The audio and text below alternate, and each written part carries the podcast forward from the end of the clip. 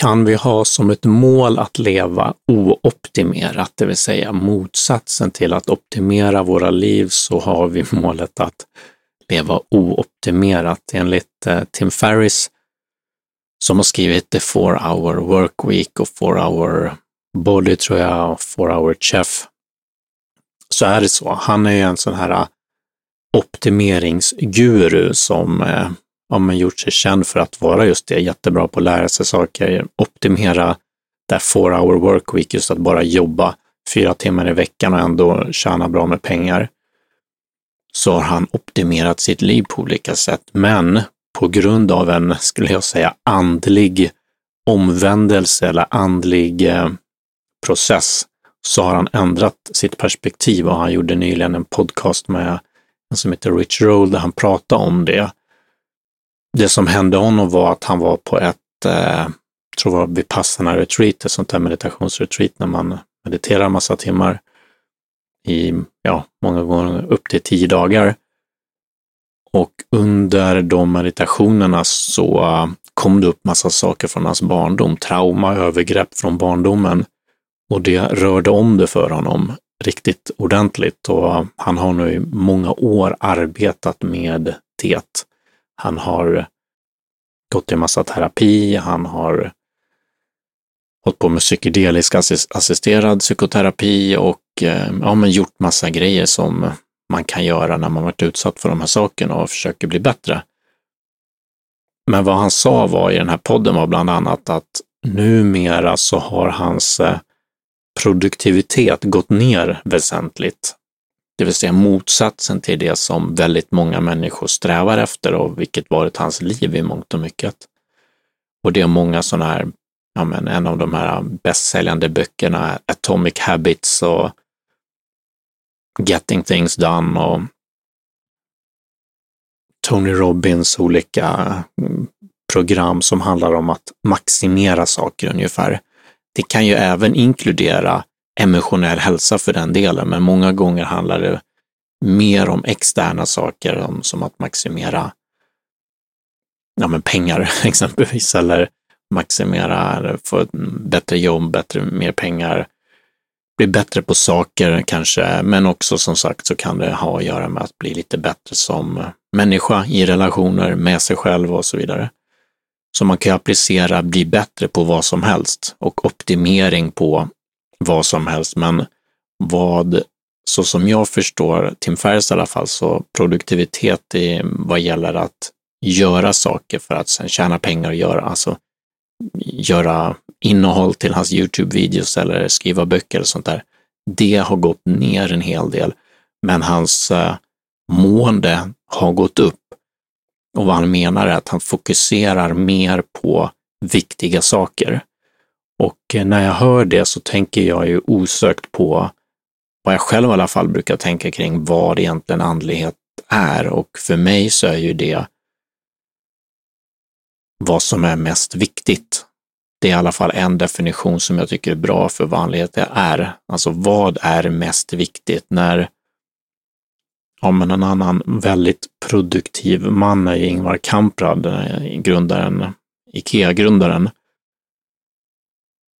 vad jag har hört i alla fall var att han sa på sin dödsbädd eller nära därtill, eh, om det var någonting jag ångrade så var det att han inte till, tillbringade mer tid med sin familj och sina barn. Och det är en vanlig grej som folk säger som ligger på dödsbädden. och speciellt människor som varit väldigt produktiva under sina liv. Speciellt de som har varit väldigt duktiga och framstående inom någonting har arbetat med det och lagt massa tid på det, men sen samtidigt försakat annat. Som när människor kommer i mer kontakt med sig själva, som Tim Ferris gjorde, för vad Tim Ferris, han drevs mycket av, som jag förstår honom och vad många andra också och berättar eller säger, är att det här drivet de haft för produktivitet är ett driv som delvis kommer ur nästan som en försvarsmekanism för någonting jobbigt som har hänt dem eller för ångest de som de har, depression de har, eller något sånt som gör att de då nästan blir beroende av Ja, det kan vara andra saker också, alkohol eller saker som blir mer destruktiva, men det kan vara arbete. Det är en sån sak, eller vara produktiv och bara fokusera på sådana saker som man kan kontrollera. För deras egna känslor har de svårt att kontrollera Eh, och de blir jobbiga. Så när man istället fokuserar på annat och gör andra saker så mår man bättre och då slipper man det. Om det så är eh, träning eller arbete eller alkohol. Men när vi kommer mer i kontakt med oss själva, när vi läker de såren, då försvinner också den inre pressen att driva på, på de här sätten. Och det gör att vi kan fokusera mer på det som är viktigt. Kommer också tänka på Pewdiepie nu, han vår svenska youtuber som enligt hans egna ord tror jag fastnade i den här grinden som man säger, Youtube-grinden där man med det menas att man bara gör innehåll, gör nya videos, gör nya videos, gör nya videos och känner att man måste göra det hela tiden, även fast han hade bra med pengar eller till och med ekonomiskt oberoende. För flera år sedan redan så hade han ändå det där driven och det var först nu när han flyttat till Japan och fått ett barn med sin flickvän som han faktiskt känner att nu är jag till slut ur den. Han har pratat i flera år tror jag om att han liksom i princip slutat, men han gör det ändå och han fortsätter och han har varit så fast i den, även fast han inte behöver utifrån så att han behöver inte pengarna, han behöver inte kändisskapet kan man tycka i alla fall. Och, eh, men nu är han till slut ur och nu lägger han i princip inte upp några videos längre. Och mår, tror jag, bättre också. Jag vet inte vad han, om han gjort någonting annat också, men vad som verkar krävas för många människor som eh, Tim Ferris. Jag tänker också på en som heter Peter Attia som eh, också mm, han skriver böcker och poddar och gör sådana saker. Han skrev en bok som heter Outlive nyligen som handlar om att leva längre, men han hade ett avsnitt där som handlade om emotionell, ja, emotioner, känslor, som också kom ur att han kom till insikt om eller började arbeta med saker som hänt i hans barndom. Och det var ja, men omvälvande för honom också. Det blev som en helt annan del, en helt annan dimension av vad han höll på med, för han höll på med träning, kost. Han är läkare och fokuserar på Mm. med mätbara saker.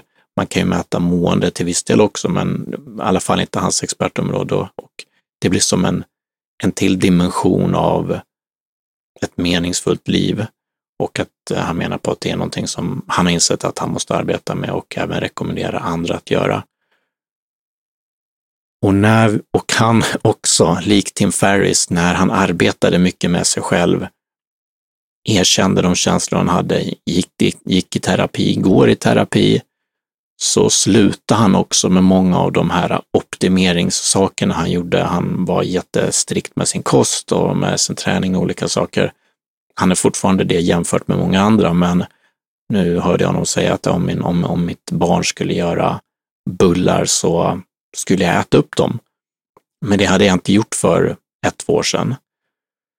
För då åt han mer keto, alltså man inte käkar socker och sånt och han, ja, men likt Tim Ferriss har han lämnat det där mycket och lever något mindre optimerat, men skulle nog många andra säga kanske lite mer balanserat.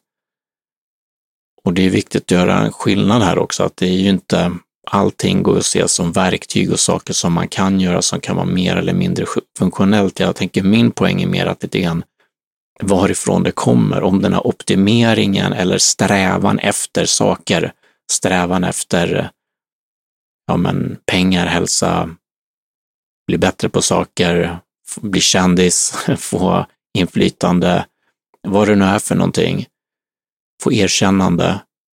När det drivs av exempelvis som för Peter Tia och Tim Ferris som vissa andra, eh, trauma från barndomen.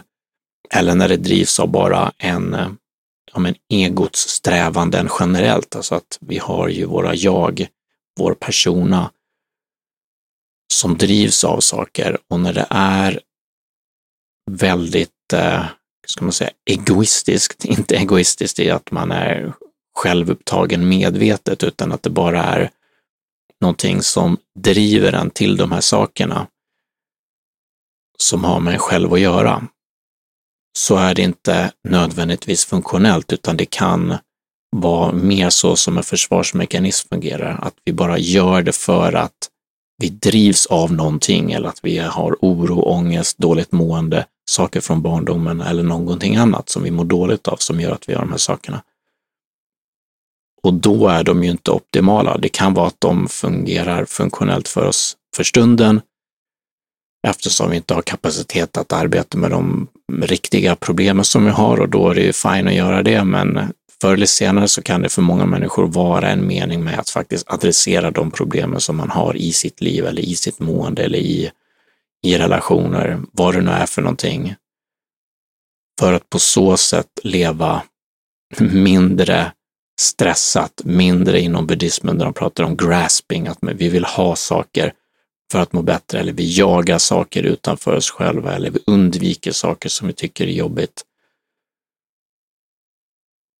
När vi går tillbaka till roten till oss själva, när vi tittar på oss själva, erkänner våra fel och brister för oss själva och blir, som Tim Ferriss också pratar om i den här podden, kärleksfulla mot oss själva, då släpper den här stressen en hel del. Då släpper det här att vi jagar utanför oss själva.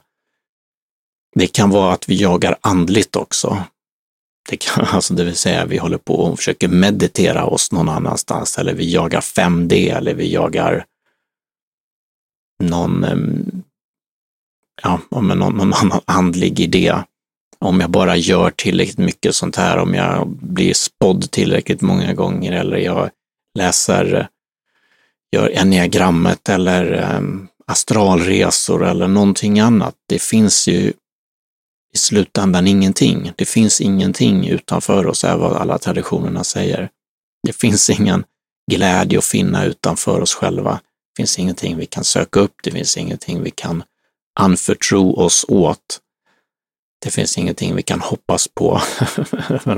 det finns inga det finns såklart en sanning i att vi kan göra saker bättre i våra liv. Det finns lyckoforskning som säger att när vi planerar resor och när vi tränar, när vi har bra relationer så mår vi i genomsnitt bättre. Det är ju såklart sant i relativ bemärkelse. Men om vi tar Abraham Maslows behovshierarki så har han olika steg där. Jag ska inte gå igenom alla, jag tar det bara lite lättsamt nu, men Abraham Maslow var en amerikansk psykolog som, eh, ja, han var head of, eller vad man säger, för American Psychological Association, största amerikanska psykologa, psykologförbundet eller vad man säger. Väldigt välkänd, välrenommerad psykolog. Han tog fram den här eh, behovshierarkin som blev populariserad, som många av er som lyssnar känner säkert till redan i botten så är det ju sådana här olika behov som ja, men att bara ha värme, ha tak över huvudet, eh, ha mat sen för att kunna överleva. Senare lite högre upp så kommer ju mera behov av kärlek och kunna känna självförtroende och med den lite mera, även det här självförverkligande som hans högsta nivå heter då, eller self-actualization. Och där kommer in de här sakerna att ja, men kanske förmågor, bli bra på saker, ha ett lyckat liv, vara framgångsrika, om man ska säga. Alla de grejerna kan ligga där i självförverkligandet. Även en typ av inre resa vad gäller eh, personlig utveckling, men med betoning då på fortfarande personlig eller persona, som Carl Jung säger, det vill säga masken. Inte nödvändigtvis i negativ bemärkelse, men här bara för att göra en distinktion mellan hans mellan Maslows sista nivå som faktiskt de flesta inte känner till, men som han la till i slutet av sitt liv, som heter self-transcendence eller självtranscendens. Eh, Det vill säga att vi går bortom personen, bortom jaget, bortom egot, bortom självaktualisering, bortom även den emotionella eller personliga utvecklingen till någonting annat. Maslow hade upplevelser av den här sista nivån, självtrans självtranscendens, till och från under sitt liv, men det var bara vad han kallar för peak experiences. Men mot eh, slutet av sitt liv så blev det som en, eh, ett permanent tillstånd som han befann sig i hela tiden, där han hade ja, men vaknat upp ur jaget, ur personan, ur den personliga utvecklingen, ur självförverkligandet, ur strävan efter mer, ur strävan efter pengar, status, makt, bättre relationer, även ur strävan efter att förbättra sig själv. Att någonstans bli vän med sig själv eller okej okay med sina fel och brister och känna den här självkärleken som Tim Ferris också pratade om var essentiell för, eh, för honom i alla fall. Så vi kan se i eh, Abraham Maslows eh, behovshierarki att han lade till en nivå till då som heter självtranscendens eller self-transcendence som talar om det här som de här andliga traditionerna pratar om. Att vi går bortom någonting eller bortom personen, bortom jaget, bortom egot, bortom det narrativa självet. Och då kan ju fortfarande personlig utveckling finnas där. Det kan fortfarande finnas att eh, arbeta för att få mer pengar. Det kan fortfarande finnas att arbeta på emotionella brister och blockeringar. Men det görs då från lite av en annan plats eftersom identifikationen med den just personan, med den masken har till viss del eller eventuellt till och med helt till stor del fallit bort. Och då blir den här identifikationen med produktivitet och sånt också ännu mer. Vad många människor som går igenom den processen av uppvaknande eller upplysning, moksha, teosis, fana, nirvana, nibbana, nirod, säger är att de inte längre har det här drivet kvar av att göra saker. Vissa vet inte ens vad de har för intressen längre, för de, även intressena var konstruerade till stor del. Kan väl lägga till att det, fin- det är samtidigt så att det är en biologisk organism där som har läggningar eller personlighet och eh, det är inte så att folk som går igenom de processerna helt plötsligt så slutar att eh, tycka om choklad till exempel, eller sluta tycka om sin partner eller något sådant, utan det sker förändringar och vissa saker som personen tidigare hade eh, som viktigt eller drevs av kan falla bort till stor del. Men eh, det betyder inte att de blir helt förändrade såklart.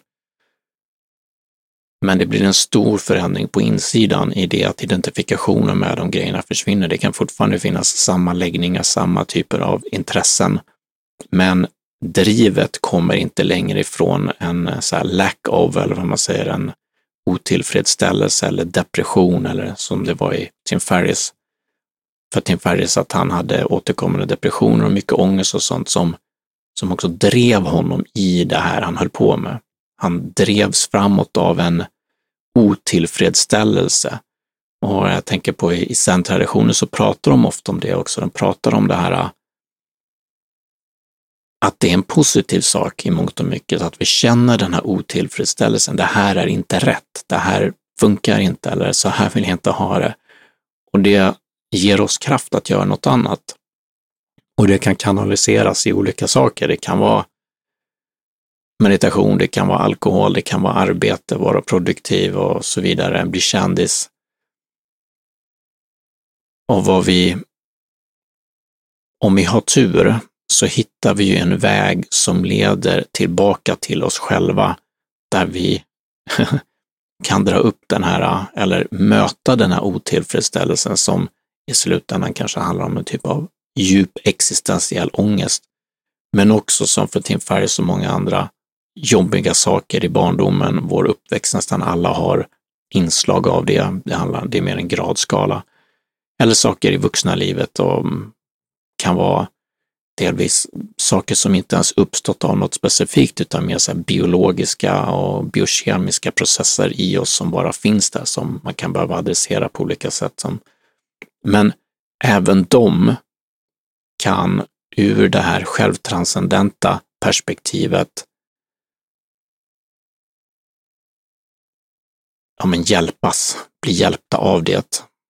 det kan vara så att stressen egentligen finns kvar om man mäter neurologiskt i kroppen, men för individen så upplevs det inte längre på samma sätt. Stressen finns kanske där, men jag känner mig inte längre stressad. Oron kanske finns där, men jag är inte orolig. För jag, min identifikation, identitet har förflyttats från att enkom vara med det här biologiska köttsystemet till någonting annat. Antingen bara försvunnit därifrån eller identifikation med ja, men det stora självet som de pratar om i, i Advaita Vedanta exempelvis, eller Brahman i hinduismen eller Gud i kristendomen eller något sånt. Att jag är inte längre identifierad mer med kroppen och eh, känslorna, eh, inte mer det än någonting annat. Inom eh, zenbuddismen skulle man ofta säga är bara no self då, icke själv. Så vakna upp från identifikationen med det här jaget till ingenting. Nirvana, upphörande, så identifikationen med jaget upphör till och sen så blir svaret på frågan vem, vem är du? Jag vet inte. Identifikationen är borta. Och med det också mycket av problemen som uppstår eftersom problemen inte längre händer mig. De händer inte längre det jag var identifierad med, utan de bara uppstår. De bara finns där, likt hur solen finns där, likt hur träden finns där, likt hur andra människor finns där. Även om inte andra människor känner samma känslor, utan det är bara ett medvetande, eller vad man ska säga, som känner just de känslorna, men de blir mycket lättare att hantera och det är så många psykoterapiformer också fungerar. De bara lär oss att eh, hantera genom att skapa en ny typ av relation till känslorna så att de inte längre tar över oss, att vi inte identifierar dem här utan på något sätt ja, kan se dem ur en vittnesposition eller relatera till dem på ett sätt som gör att de inte blir lika jobbiga. Och det händer mycket i mångt och mycket när människor går igenom den typen av uppvaknande processer som eh, de här spirituella traditionerna beskriver och kallar vid olika namn och som Abraham Maslow då kallar för självtranscendens i sin behovshierarki och jag skulle säga Tim Ferris nafsat på i den meningen att han har gått från att drivas av inre demoner, om man så vill, till att mera drivas av det som är viktigt för honom. Det behöver inte infinna sig en självtranscendens där, men ändå något som går åt det hållet, för det är det som händer när vi inte längre identifierade med de sakerna eller de processerna, eller processerna upphör som det blev för honom till stor del. De här, det som drev honom upphörde eller minskade mycket. Och det gjorde att han blev mindre produktiv, men mådde bättre, kunde fokusera på andra saker, saker som egentligen betyder mycket mer för honom. Så det var det om att leva ooptimerat. Kan väl lägga till att för olika människor så kan det vara olika saker som fungerar bäst också. Det kan ju vara att faktiskt göra mer saker, att ändå få mer inkomst eller att förbättra saker eller förbättra saker med sig själv. Igen, det var ju det som jag nämnde. Det är varifrån det kommer. Kommer det ifrån att, vi, att sakna någonting eller stress eller, ja, igen, det är inget fel att saker kommer därifrån heller. Det är bara det att det kommer mindre ifrån det när vi kommer i djup kontakt med oss själva, när vi älskar oss själva fullt ut, när vi har eh, lämnat identifikationen med de tankarna och känslorna eller idén om hur saker ska vara eller bör vara, då kan vi göra saker eller handla med ett mer typ av informerat beslut eller mindre stressade beslut kring hur vi ska eh, sköta våra liv, vad vi ska göra, hur vi ska vara som människor. Så en inbjudan där verkligen från Tim, Her Tim eh, Ferris håll att eh, arbeta med sig själv, självkärlek, möta sina demoner och från de andliga traditionerna. Utöver det också att gå bortom allt det också. Vi behöver oftast göra både och. Vi behöver oftast möta demonerna, känna det som är som vi inte vill känna för att på så sätt kunna gå bortom det också. Verkar inte finnas så många genvägar, tyvärr. För vissa verkar det funka att bara hoppa till självtranscendens, men för de flesta eh, verkar de behöva först gå igenom den här grottan i, i Star Wars där man måste möta sig själv egentligen, sina demoner, för att på så sätt komma ut på andra sidan. Tack!